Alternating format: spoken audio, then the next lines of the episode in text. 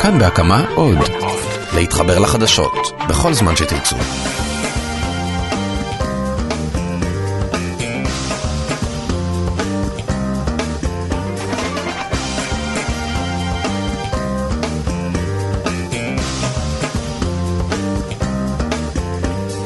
שלום לכם, התוכנית המקומית של כאן, תאגיד השידור הישראלי. הסיפורים שנעסוק בהם במחצית השעה הקרובה יגיעו ממגדל העמק, מראש העין, מקריית גת, מרעננה ועוד ועוד. אנחנו זה הצוות, נועה אקסינר העורכת, רוני אבירם ותימור טל בהפקה, ינון סרוסי, עומר ולדמן ואביגל בשור, התחקירנים שלנו. אנוכי חן ביאר, אתם מוזמנים להצטרף, האזנה טובה.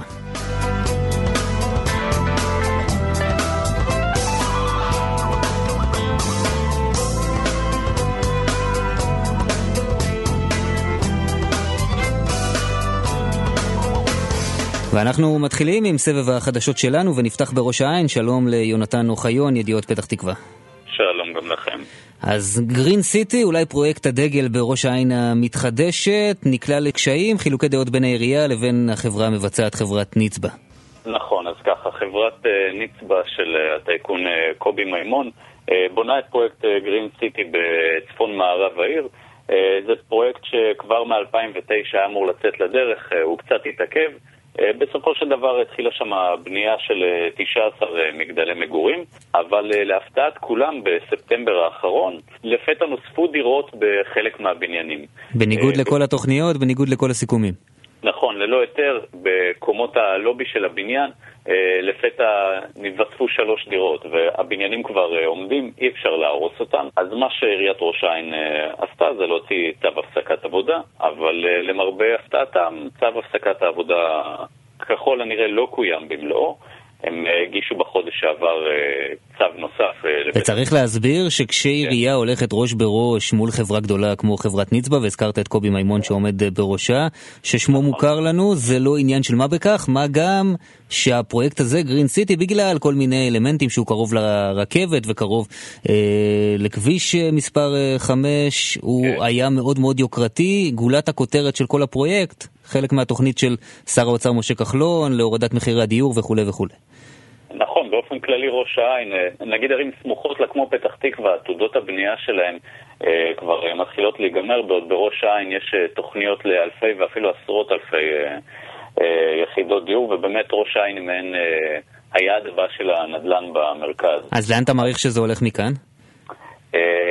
מהשיחות שאני ערכתי עם גורמים בראש העין וגם בסביבת העירייה, כנראה שימשיך להיות פה דיון משפטי ארוך. אה, ניצבה טוענים שאפשר לסדר את ההיתרים האלה תוך כדי עבודה, וגם שצו בית המשפט לא הכריח אותם לעצור את העבודות, אלא רק במקומות מסוימים. אה, אז לדעתי מה שהולך לקרות זה שהולך להיות פה דיון משפטי ארוך מאוד. אה, כנראה שבסופו של דבר בית המשפט יאשר להם את יחידות הדיור הנוספות, כנראה בתמורה לוויתור על זכויות בנייה במקומות אחרים. יהיה מעניין, יונתן אוחיון, ידיעות פתח תקווה, תודה רבה. ואנחנו עוברים אה, לרעננה, שלום לכתב קול רענן, רועי רובינשטיין. שלום חן, מה שלומך? בסדר גמור, אנחנו עומדים לדבר על uh, מקרה של אם וביתה שמתגוררות באופן ארעי משהו, אבל מאוד מאוד קבוע, עם זאת בשולי העיר רעננה.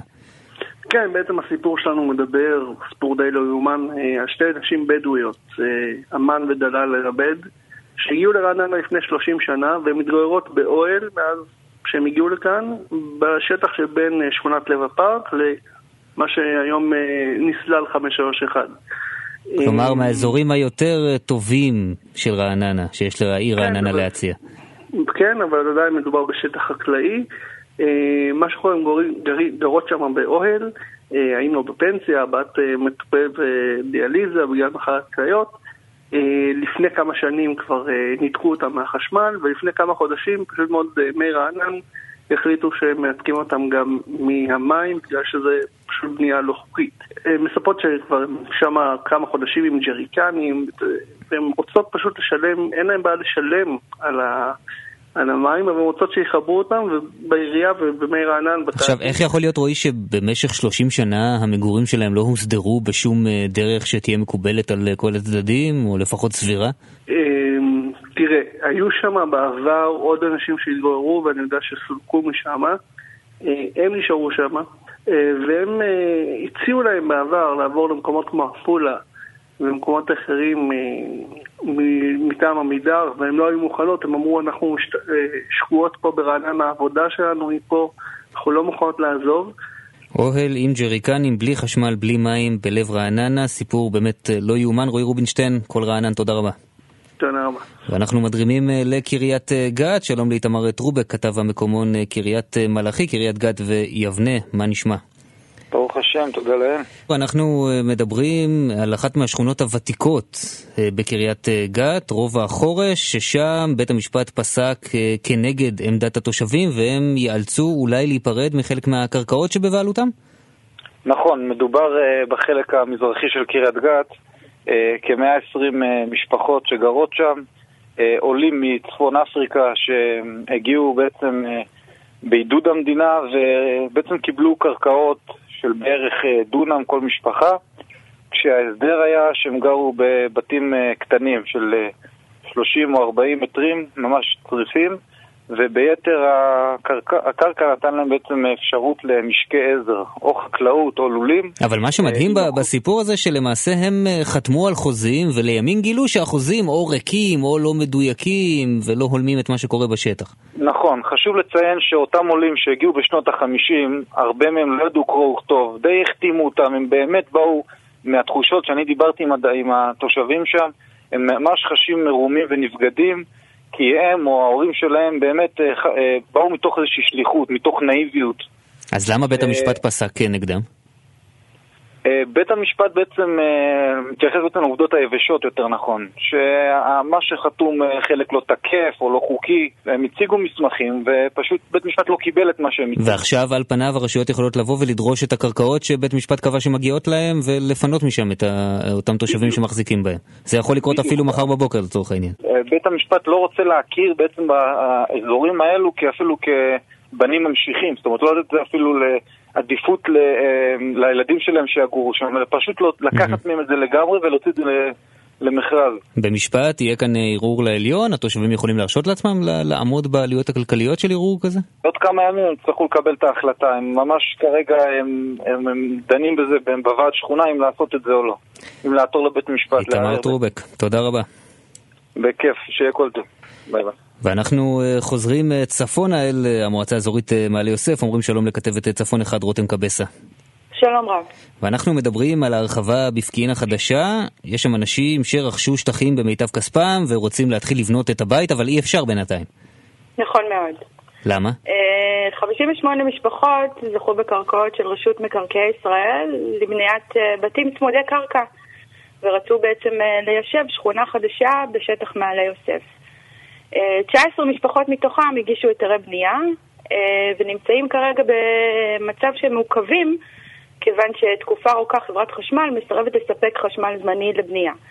יצוין שחלק מאותם 19 כבר העמידו בתים, זאת אומרת הבתים עומדים ונבנו בזכות פשוט אין תשתיות, אין חשמל, אין כלום, אין הכל הם עשו בכוחות עצמם. זמני. הדיירים האלה שילמו, הרוכשים שילמו. אז למה בעצם מסרבת חברת החשמל לחבר את היישוב למערכת החשמל? חברת החשמל, מדובר פה בסיפור שהבעיה הגדולה היא מסכת ייסורים של בירוקרטיה. חברת חשמל מגלגלת את האשמה, משרד השיכון והמועצה האזורית מעלה יוסף, כולם מתדיינים ואומרים זה וזה השם, כולם אשמים. בינתיים משפחות שלמות של עם ילדים קטנים, אנשים שכבר משלמים משכנתאות, אנשים שחיים בשכירות, ושילמו את כל הכסף, את כל הונם, כדי לבנות בית פרטי בגליל, לא מסוגלים להמשיך הלאה, כי הם צריכים עכשיו ליישם ולהעביר את ה... נגיד, נגיד תנסה להסביר בלי להיכנס שם יותר באמת מדי לנבחי הבירוקרטיה, כי היא באמת סבוכה שחברת חשמל רוצה שכל התושבים בהרחבה ישלמו את כן. הכסף שהם צריכים לשלם, מצד שני לא כולם רוצים לממש כבר עכשיו את זכויות הבנייה, חלק מעדיפים נכון לחכות מאוד. ומותר להם. וזה, כן, זה, יש במסגרת רשות, שאתה, שרוכשים קרקעות, יש ארבע שנים עד לבניית קרקע. זאת אומרת, יש כאלה שרוצים לפתח כעת, ויש כאלה שרוצים לפתח בשלב מאוחר, מאוחר יותר. אבל אה, אה, דייר שרוצ, שמגיש בקשה להיתר בנייה ומשלם את, את ההיטל פיתוח על פי חוק למשרד השיכון, ומשלם את הסכום אה, של 7,000 שקל אגרה לחשמל זמני לחברת החשמל, יוצא מצב שבסוף הוא הולך וקונה גנרטור פרטי כדי לבנות לעצמו בית. אף אחד מהבדרים האלה לא גם, יקבל ה... תוך עכשיו. גם הבתים יעמדו מוכנים, ובדיוק, הם לא נכון, יוכלו ללא להיכנס תוספת אליהם. יצטרכו עדיין. לשלם שכירות, או כן. להישאר בבתים הקודמים שלהם. נכון מאוד. יש פתרון באופק, או שבינתיים כל צד מתבצר בעמדתו? כרגע הפתרון אה, הוא במאבק ציבורי של אה, אנשים שהם אה, באמת מלח הארץ, אנשים טובים שעובדים ובאו ליישב את הגליל. אגב, רובם מהגליל גם, שמנסים בכל כוחם אה, שהמועצה האזורית מעלה יוסף וחברת חשמל יצליחו להתדיין ביניהם ולהגיע לאיזושהי בקשה, לאיזשהן מסקנות כדי לאפשר. חברת חשמל רוצה את כל אה, מלוא התשלום מכל הרוכשים. שזה תנאי שהדיירים טוענים שלא אה, הוצב להם. אגב, אני מבין שיש הרבה. יישובים מסביב ששם דווקא העסק עובד מצוין ואין שום בעיות. חמש לא- דקות לא- משם נמצא, נמצא אה, מושב צוריאל, שם יש הרחבה ששייכת גם למעלה יוסף. והכל בסדר. בהרחבה הזאת כבר יש תשתיות. רותם קבסה, צפון אחד, אנחנו נמשיך לעקוב בין היתר בעזרתך, תודה רבה לך. תודה לכם, ביי ביי. ואנחנו לאילת, שלום לכתבת ידיעות אילת טוני ליס. שלום לך. אילת בדרך כלל אנחנו מדברים עליה כעיר נופש אה, שמשית וחמימה, אבל אה, החורף שפקד את העיר העלה את אה, סוגיית מחוסרי הדיור, שהיא סוגיה קשה. הסוגיה קשה במיוחד לאור העובדה שאילת היא מדבר, ובמדבר קר מאוד. הסערה האחרונה שפרצה כאן תפסה עשרות דרי רחוב לגמרי לא מוכנים. מקומות המסתור שלהם, כמו מקלטים וחדרי מחזור, היו סגורים ונעולים. ועשרות אנשים פשוט התמודדו כמיטב יכולתם עם הרוח החותכת, עם הסופות, עם הגשם, והם עדיין מתמודדים עם זה, זרוקים בחוב. התופעה של דרי רחוב באילת, את אומרת שהיא מונה כמה אה, עשרות בני אדם. עשרות בני אדם, ולפני כ-12 שנה נסגר אה, המעון לדרי רחוב שנקרא בית התקווה, שהקים ראש העירייה לשעבר גבי קדוש. ראש העירייה הנוכחי סגר אותו. מדוע? אה, הטיעונים של העירייה היא שאין דרי רחוב, שאילת מהווה מוקד משיכה לדרי רחוב, שהטיפול בהם נעשה פרטני. כלומר, עצם העובדה שיש טיפול אה, למעשה מגביר את התופעה, כי אנשים יודעים שאפשר להגיע לאילת ולזכות במרכאות אני- בתנאים טובים. אני לא יודעת אם זו- זה... זו הטענה. אם זה מה ש... אני, אני לא... לא ממש ברור לי, הטענות הן שונות ומשונות. הדבר אחד ברור לי זה שעשרות אנשים מופקרים לגורלם, לקור, לגשם, בלי מקום להניח בו את הראש, בלי אפשרות לרחוץ, למצוא מפלט מהסערה ללילה, אין להם לאן ללכת. זו השורה התחתונה וזה מה שקורה. וזה עצוב, כי אנחנו כחברה אמורים להימדד על פי היכולת שלנו לסייע לאנשים חלשים. ויותר חלש מדי רחוב אני לא יכולה לתאר לי. אכן, עם השורה התחתונה העצובה הזו, אנחנו אה, נודה לך, טוני ליס, ידיעות אילת. תודה לך.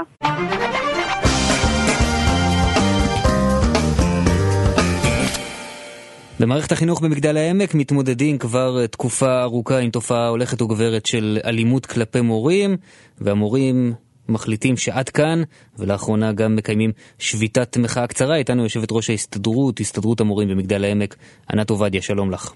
שלום וברכה. תארי לנו את התופעה, שאנחנו אומרים אלימות כלפי מורים במגדל העמק, למה אנחנו מתכוונים? לאחרונה יש אה, תופעה של אה, אלימות, גם מילולית, גם אלימות אה, פיזית וגם אלימות אה, ברשתות החברתיות. אה, הורים פשוט מעלים פוסטים פוגעניים בגננות ובמורים, מגיעים למוסדות החינוך ונוקטים באלימות. את יכולה לסבר אולי את אוזנינו עם מקרה שנתקלת בו לאחרונה? תראה, היו מקרים שהגיעו הורים לגנים וחיכו לצוות החינוכי, לא כדי לברך אותם, כן, הם ממש אה, אה, חיכו לצוות, ובדרך נס היו לנו שם אנשים שידעו, אה, ש- שעצרו את זה בזמן. אנשים שפשוט עצרו את האלימות הזו. כלומר, הורים שמשהו לא היה נראה להם באופן שבו המורה או הגננת מטפלת בענייני ילדיהם, ובאו בשביל לפגוע, להרביץ, להכות ב- באותו איש חינוך? ממש ככה? בדיוק, בדיוק, בדיוק. את יודעת שזו תופעה שמשום מה, אני בטוח שחלק ממאזיננו אה, מקשיבים לדברייך וזה נשמע להם זר לגמרי. את אומרת, "זה- חברים, תתעוררו, הדברים האלה קורים. הדברים האלה קורים ולכן אני אה, פניתי לכל הגורמים אה, ולהגיד שיש כאן בעיה. הגננות והמורים פוחדים להיות בבית הספר, פוחדים להתבלבל, שנקרא, ולנהוג לא נכון עם הילדים, כי אחר כך הם, ההורים מגיעים וזה אלימות. כלומר זה משפיע וזה... גם על כושר השיפוט והיכולת שלהם להיות מורה, מורה, גננת טובים. נאמנים למקצוע. ואני, אבל אני קמתי והתרעתי ואמרתי, אה, חבר'ה, הכתובת על הקיר, ואנחנו עם אפס סובלנות לפגיעה באנשי החינוך. אנשי החינוך צריכים לעשות את העבודה שלהם נאמנה, לא יכולים ש, שיפריעו להם, לא יכולים שהם י, י, ירגישו שהם מפוחדים. מה עושה מורה אם הוא חש מאוים? אז אה, יש לו את הכלי לפנות אה, למשטרה, שזה מה שמציעים לו המעסיקים שלו. שיגש למשטרה וייתן תלונה במשטרה. כלומר, אם הוא עכשיו, אם, אם הורה יתקשר uh, לאחד המורים ואמר לו משהו שעלול להתפרש כדבר מאיים, אז uh, למעשה מה שאותו מורה צריך לעשות זה לפנות למשטרה, ואנחנו יודעים מה יקרה עם אותה תלונה במשטרה, שום דבר. נכון, לא קורה שום דבר, היא נסגרת מחוסר uh, עניין לציבור, אבל המורה הזה, העתיד שלו לוט בערפל. אם הוא חשב פעם להיות מנהל בית ספר, או אם הוא חשב, אה, אם הוא מנהל וקיבל כזאת, אה, אה, כזה איום וחשב להיות מפקח, תהיה לו בעיה. הוא ייקרא, גם כשהתלונה תיסגר, היא תעבור למשרד החינוך, הוא ייקרא לשימוע במשרד החינוך, שימוע בהנהלת המחוז כדי לשמוע מה, מה שם היה. וזה מכתב שנכנס לתיק האישי שלו. ולכן אין שום סיכוי שמורה ינסה להתגונן, אין שום סיכוי שהוא ינסה לעשות משהו, כי רק הוא יודע שרק הוא ייפגע מזה. אז המורה לא, כמובן שלא יחזיר, הוא פשוט... אבל האם יש מקרים למשל שהעבירו ילדים מבית ספר מסוים מכיוון שהוריהם איימו על מורה, או חלילה פגעו במורה? לא שאני, לא שאני נפעלתי, לא. איך היית מגדירה את היחס שאתם אה, המורים מקבלים ממשרד החינוך? עד כמה יש לכם אוזן קשבת ומסייעים לכם במאבק הזה? תראה, זה, זה, זה, זה, זה תלוי. ישנם מפקחים ש, שמבינים שיש כאן איזשהו, שיש בעיה והם, אה, והם קוראים לבירור ומגיעים ברגע האמת וישנם אה, אירועים שאנחנו לא יודעים. פתאום מתחילים לזרום הודעות מגננות, ממורות, שגם הם, זה כמו תופעה, כמו שקורה בכלל במדינה, שאחרי שמשהו נחשף, פתאום מתחילים לצוץ אה, אחד אחרי השני מקרים, כן? ויש לנו גננות ומורים שמאוימים, שיש אה, לנו מקרה שבתוך כיתה, בזמן שיעור, נכנס הורה. נכנס הורה לכיתה לומדת. ורצה אה, לפגוע אה, במורה. מזל שהייתה שם עוד אה, מורה שעדפה אותו החוצה, אבל זה היה נס. אילולא המורה הזו הייתה, אילו זה לא היה שיעור שהיו בו שני מורים בחלל אחד, אני לא יודעת איך זה היה נגמר. אבל האם יכול להיות שגם הסתדרות המורים וארגון המורים שמייצג את המורים אה, בבתי הספר התיכוניים הם חלק מהבעיה, לא במובן הזה שהם חלילה אה, אה, מעודדים את האלימות או פועלים באלימות, אבל אתם אמורים לייצג את המורים, המורים חלשים, לא שומעים אותם, הציבור לא, לא מכיר, לא יודע על התופעה הזו. ברגע שחלילה אה, מישהו פועל באלימות כלפי רופא, באותו רגע כל בית החולים מושבת לכמה שעות וכך צריך להיות. בדיוק, בדיוק, וזאת הנקודה. ואני... אז אני, למה אתם לא עושים את זה? אז אנחנו עשינו את זה, אבל... ועד ההורים המרכזי ביישוב, הם החליטו שזה לא מספיק חמור וזה לא נכון להשבית. והם בעצם התנדבו והגיעו אה, לבתי הספר ולגנים אה, כדי להחליף כביכול את המורים. וזאת, המור... אני אמרתי להם שזה סוג של אלימות, כי ברגע שהם עושים דבר כזה הם מגבים את האלימות שנמצאת שם. אנחנו יכולים... אבל בזה זה נגמר, בסופו של דבר אתם מאוד מנומסים ה... ופשרנים בעניין הזה.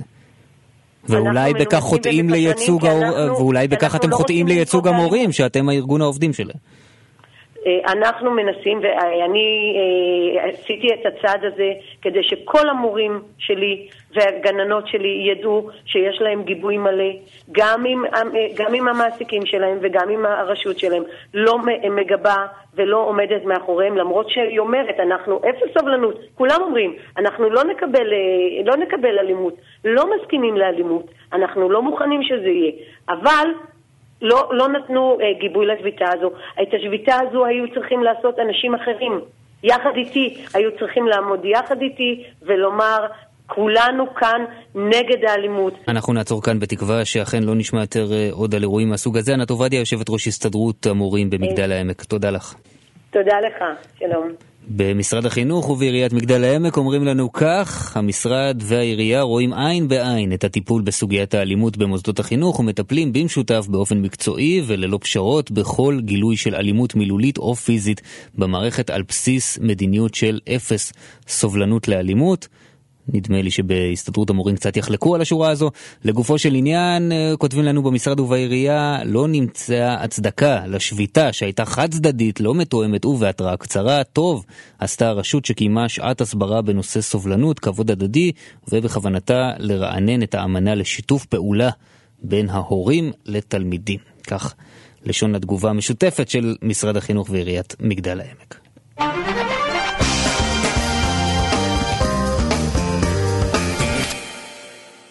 פינוי היישוב עמונה נמצא כבר הרבה מאוד זמן בכותרות, אבל אנחנו רוצים להקדיש את הדקות הקרובות אך ורק לסוגיה אחת שעליה מדברים קצת פחות, והיא סוגיית בני הנוער, איך מכינים אותם, איך מדברים איתם, ואיזה משימות נותנים להם, איזה משימות משאירים לאחרים. איתנו שניים בעניין הזה, שלום ליואב ויינר, רכז הנוער ביישוב עופרה. שלום רב. ושלום לדוקטור אמנון שפירא, מי שהיה מזכ"ל בני עקיבא. שלום וברכה. אני אתחיל איתך, דוקטור שפירא, שאתה שומע את המזכ"ל הנוכחי אה, בתנועת בני עקיבא, יאיר שחל, קורא לבני הנוער, אל תגיעו לעמונה, זו אמירה שאתה מזדהה איתה? לפני 40 שנה הייתי מזכ"ל בני עקיבא, ואז היה פינוי ימית. ואני נתתי הוראה לכל בני הנוער להגיע ל- לימית, והייתי שם איתם. אמרתי להם שני דברים, בכל מקום שיש צרה על יהודים, זה דבר שלא צריך לעשות, ואנחנו מוחים נגד ה... נגד הפינוי, אנחנו נהיה שם, ואמרנו דבר, לעולם לא תורם יד על יד אחיו. גם אם האח הזה הוא שוטר או חייל. אלו שני התנאים שאמרנו. עולים לימית, הולכים לימית, נמצאים בימית, ולעולם לא תורם יד. אני אפילו השתמשתי אז בביטוי קשה מאוד, ימית ואלף כמותה אינו שוות, שפעם אחת יהודי אחד ירים ידו על חברו. והיום היית נוקט בגישה דומה? או שהשתנו דברים? מה שקרה בינתיים שאבדה התמימות. בפינוי הקודם שאנשים נשברו גולגלות ונקבעו נכות ושבירת צלעות ידיים ורגליים לאנשים. אנחנו היום לא יכולים לקבל אותה אחריות שקיבלנו לפני 40 שנה. העולם השתנה, המשטרה השתנתה, החיילים השתנו, הצבא השתנה, ואנחנו לא יכולים לחזור, אנחנו לא יכולים, אני לא עובר על נוער, נוער שהוריו איתו זה סיפור אחר, הורים שיקחו על אחריותם.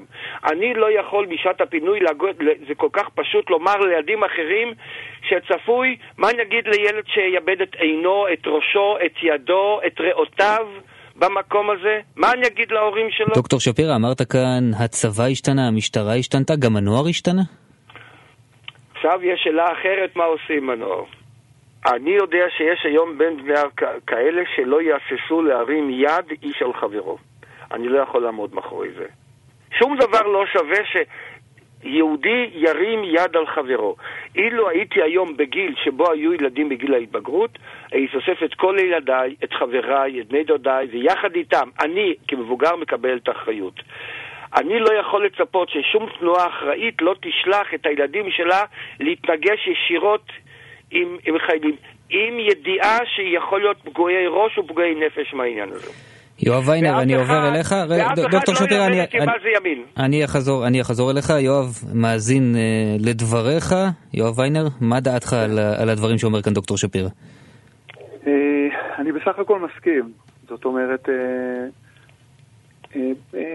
המצב השתנה, זאת אומרת, המצב השתנה בין ימית אה, דאז לבין עמונה היום, אה, גם בקונצנזוס בחברה הישראלית וגם, אה, וגם בכלל. כלומר מה, גם אתה קורא כאן לילדי וחברי תנועת הנוער בני עקיבא, אל תגיעו לעמונה, לא, מסוכן, לא צריך? פה אני חלוק, כי אני חושב שהיכולת שלי מוגבלת. זאת אומרת, גם אם אני אקרא להם לא לבוא, הם כנראה כן יבואו. אני חושב שיש פה איזשהו משולש של אנשי מערכת החינוך, של ההורים ושל החינוך הלא פורמלי, אה, שבעיניי כל אחד במשולש הזה חייב לקחת ולעשות את חלקו כדי שבאמת נוכל כמה שיותר להגן על בני הנוער. שבאמת חשופים. זאת אומרת, אה, מה למשל? מה, מה אתה עושה באופן אישי? בוא נשאל ככה. אנחנו בתוך העניין הזה כבר חצי שנה לפחות. הרבה שיחות אמונה. Uh, הרבה שיחות, נפגשים עם רבנים. יש, אני חייב להגיד, יש תחושה של בעצם אנחנו, הציונות הדתית עסוקה במורכבות הזאת כל, כל הזמן, זה, זה לחם חוקינו בעצם, ויש תחושה לקראת אירועים כאלה שהקצה מצמיד כמו, כמו מגנט למצפן, וקצת אנחנו הולכים לאיבוד, אבל בסופו של דבר, אם אתה מסתכל פנימה, הכוחות נמצאים אצלנו להתמודד עם המורכבות הזאת.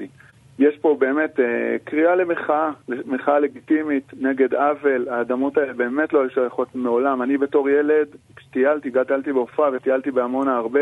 אבל השאלה היא איך אתה, ואני בכוונה בורח, כי ברור לי, ברורה לי כן. עמדתכם לגבי שאלת הפינוי, אולי אתם תגדירו את זה הגירוש, בואו לא, בוא לא נתווכח את הוויכוח הזה, או לא נדון את, את הדיון הזה. אני רוצה לשאול אותך, בהמשך לדברים שאמר דוקטור שפירא קודם, איך אתה מבטיח, כמי שאחראי על בני נוער, ש... כאשר הם יגיעו לשם, זה לא ייגמר באלימות. תראה, לא, זאת הבעיה, שאני לא יכול להבטיח, ומצד שני אני גם לא יכול לברוח, לברוח מהאחריות הזאת.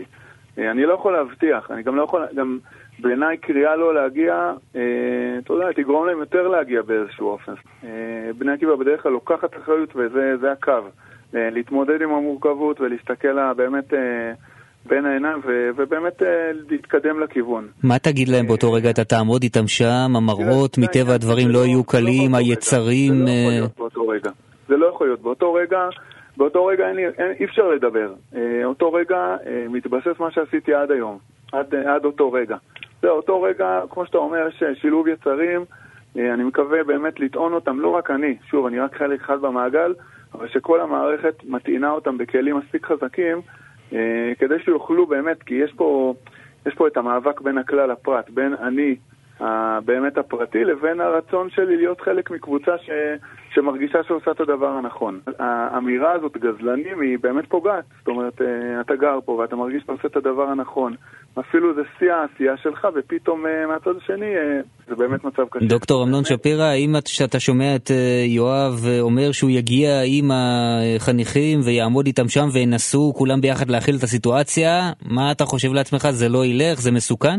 אני אגיד לך שני דברים, זה עלה לי בעקבות השיחה הזאת. אחד, אני יודע, זה אחד הדברים שגרמו לרתיעה בהנהלה הארצית של בני עקיבא, זה הסיסמה שחזרה ונשנתה, שנית עמונה לא תיפול. שנית עמונה לא תיפול, זה הקבלה לשנית מצדה לא תיפול, והתוצאה הייתה התאבדות של העומדים על המצדה. אני לא צריך ללכת רחוק, לא צריך לדמיין מה יכול לקרות כשמדברים על צבא רומאי ועל התאבדות. וזו סיסמה קשה מאוד, שיכול להיות שהיא בין הגורמים שהרתיעו את ההנהלה הארצית כפי שהרתיעו אותה. מצד שני, אני הייתי כרגע נראה לי פותח שני פתחים לפחות, ואני יודע שחושבים עליהם. אחד, פונה לחברי בני עקיבא ההורים הם וילדיהם לבוא כהפגנת מחאה. במשטרים פשיסטיים לא מוחים, במשטרים דמוקרטיים, במשטרים יהודיים, במקום שבו יש רוח של מצפון, רוח של יושר, רוח של אמת, כשאדם רואה משהו שהוא לא יכול פיזי למנוע אותו, שהוא מנסה בכל כוחו, המעט שנותר לו זה למחות, כדי שהמחאה תראה ותישמע. היא חשובה לציבור, היא חשובה לעצמו. יכול להיות שהייתי במקבל אומר, אולי אנחנו היום נחלק חמישה יישובים נוספים, או אחרים. למשל, בבקעת הירדן. יש שם קהילות דתיות, ואנחנו ביום זה, דווקא ביום זה שבו יש קריאה לפינוי עמונה, אנחנו הולך לחזק יישובים קיימים שהם חלשים, אנחנו רוצים אותם לחזק. כן, לפני שניפרד, לפני שניפרד, כן, לפני שניפרד, דוקטור אמנון שפירא, אני חושב שהעמדה הזו ברורה, לפני שניפרד אני אשאל אותך שאלה אחרונה, ככה קודם בשולי התשובה שלך זעקת שאף אחד לא יגיד לי שאני לא ימין, אתה אומר את זה כי מה, כי אתה מרגיש שמי שמשמיע עמדות כמו שלך בימים האחרונים, מוציאים אותו מחוץ למחנה לפעמים? לא, לא, לא, הימין בסדר גמור, הימין, הימין, הימין ברוך השם, הוא רוב בארץ. לא דואג לו. אבל צריך לומר, זה שאני ימין, זה לא אומר שאני צריך לא לחשוב, אני חושב, וזכותי לחשוב ולהביע את הדבר הנכון שהימין צריך לעשות. המשפט הזה, שנית עמונה לא תיפול, פוגש גם אותי, ופוגש גם את הנוער שנמצא בעמונה. ואם אנחנו, ההורים, המורים ואנשי החינוך הלא פורמלי לא נהיה שם, הנוער באמת נשאר חשוף לסיכון. אה, מחובתנו להיות שם. ושאתה, וש, ושאתה מדמיין את זה בראות אה, עיניך, אתה גם חושש ומדמיין וחושב לעצמך מה יקרה אם זה יגלוש לאלימות? בוודאי, תראה, בסיבוב הקודם, ב-2006, הייתי תושב עמונה. אה, וכן, וחוויתי את האלימות הזאת, חוויתי אותה על בשרי. אה, אני, אני חושש שהיא תקרה, אני יודע שהמשטרה באה בפנים אחרות, אה, ההנהגה במדינה היא אחרת, והמשטרה באה בפנים אחרות. אני חושב שגם הנוער בא, ב, אני מקווה, רוב הנוער באמת, ואנחנו צריכים להיות שם רוב, רוב מתון שבא למחות, לא להיאבק, בהבנה גם שבסוף מוסדות המדינה הם המוסדות ש... אנחנו מקבלים את, אה, את מרותן ובאמת אה, מקבלים את החוק, מוחים נגד אה, עוולות שנעשות. ובסופו של דבר, אני מאוד מקווה באמת שנצליח לשלוט בזה ולמתן את, ה, ולמתן את האווירה, כן, בוודאי. יואב ויינר, רכז הנוער בעופרה, דוקטור אמנון שפירא, מזכ"ל בני עקיבא לשעבר, תודה רבה לשניכם. להתראות. להתראות.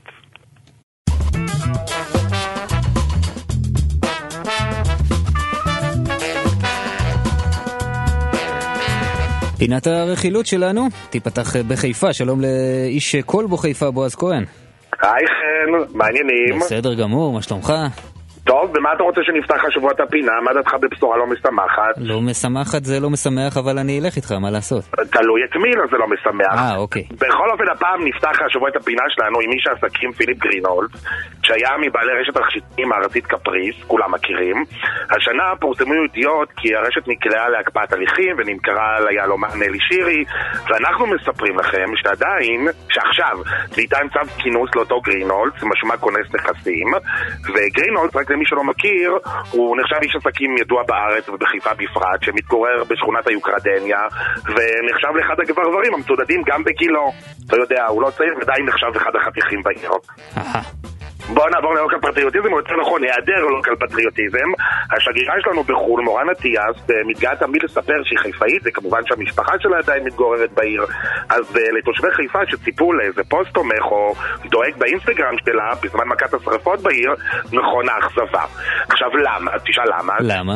למרות שבאותו חשבון שלה ישנו פוסט על דאגתה להאיטי, שכולנו זוכרים שהיא נרתמה למשימה לסייע לה אחרי רעידת האדמה, עם כל מיני... ופינה בלב חמה לחיפה לא מצא, או לפחות בחשבון האינסטגרם. יפה, אז אני אומר שכנראה עניי אחד לא קודמים אצל אטיאס בחשבון האינסטגרם, וכמובן שהרמנו טלפון לסוכן שלה, רוברט בן שושן, שאמר שבפעם הבאה הוא יעיר לה על כך. נקווה גם שהיא תשמע. יפה, נקווה שלא תהיה פעם הבאה, שלא תצטרך להזדהות עם אף אחד, ואז הכל, הכל יהיה בסדר. בועז כהן, כל בחיפה, נעמת לנו מאוד, תודה.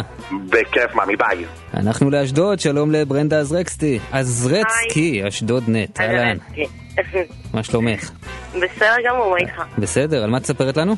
אז אה, קודם כל יש לנו את אופיר בן שטרית, שאם אנשים זוכרים אותה, היא הייתה בעונה השנייה של The Voice, והיא גם אה, מתהדרת בתואר אה, אשדודית, והיא קיבלה עכשיו תפקיד ראשי במחזמר, במחזמר סוליקה. שזה וזה... מה, זה עולה בחנוכה הקרוב? הבא עלינו לטובה? זה עומד לעלות, כן, והיא נמצאת בתפקיד ראשי, וזה קפיצת מדרגה מאוד גדולה מריאליטי למחזמר ככה, ועוד בתפקיד ראשי. יפה. מה קרה איתה אגב בזמן הזה בין לבין? אה, האמת שאני לא כל כך יודעת, לא כל כך עוקבתי בשביל... טוב, אז נקווה שמעכשיו אוקיי. יהיה על מה לדבר. נקווה שמעכשיו היא תהיה יותר אה, בולטת. יפה, מה עוד? ועוד משהו, אה, כל אשדודי שעכשיו ישמע אותי, אני מאמינה שגם חלק מהאנשים מסביב, יש לנו את איש התקשורת שלנו, אורי קריספין, שעובד גם ברדיו דרום. הוא העלה תמונה לרשת עם אשתו הטריה, שהיא גם מלכת היופי לשעבר, מעיין קרן, עכשיו מעיין קריספין. הם העלו תמונה ששניהם יושבים באולפן ברדיו, שככה הם נראים מאוד מאוד מאוהבים והמיקרופון רק מפריד ביניהם. וזהו, אין עוד פרטים, השאירו אותנו במסתורין. או-אה, טוב, אורי קריספין, כן. אנחנו גם, מכיוון שהוא גם לוקח חלק בפינה הזו מדי פעם, אז אנחנו נישאר במתח בשביל לראות מה מלמדת אותה תמונה. מה הולך להיות שם, אולי איזה תוכנית מעניינת, בטוח שהם שניהם זה משהו טוב. יפה, ברנדה עזרצקי, אז שדודנט, תודה רבה. בכיף, ביי ביי. ואנחנו אומרים שלום לליאור לפוק, כתב B106 רחובות. שלום, שלום. מה אתה מספר לנו? מה חדש ברחובות? רחובות, הזמיר רחובותי, איתי לוי, המוכר מהמסיבה בחיפה, הוא גם ידוע כאחד שמכין מרק תימני סוף הדרך, כפי שהחברים אומרים.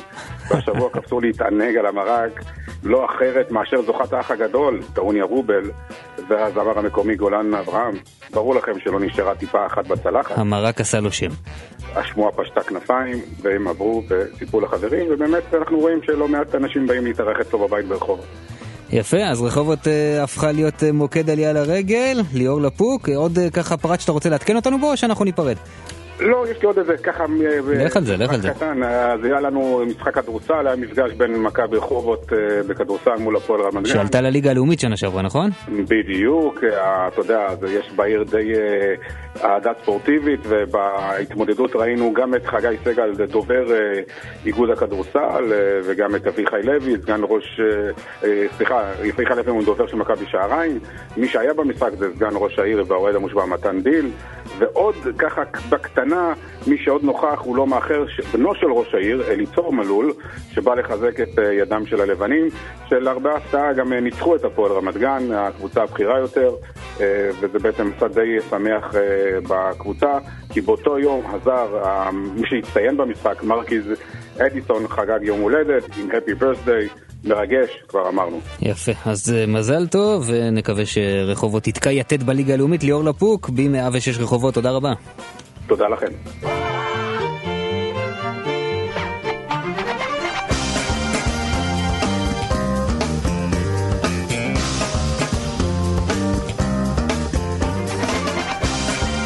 כאן אנחנו חותמים, משדר נוסף של כאן מקומי, נועה אקסנר ערכה, רוני אבירם ותימור טל הפיקו, ינון סרוסי, עומר ולדמן ואביגל בשור איתנו בצוות. אנחנו מודים לכם מאוד שהאזנתם, אתם מוזמנים כמובן גם לשתף את התוכניות שלנו ולחזור גם בפעם הבאה. אני חן ביאר, נפרד מכם, שלום שלום.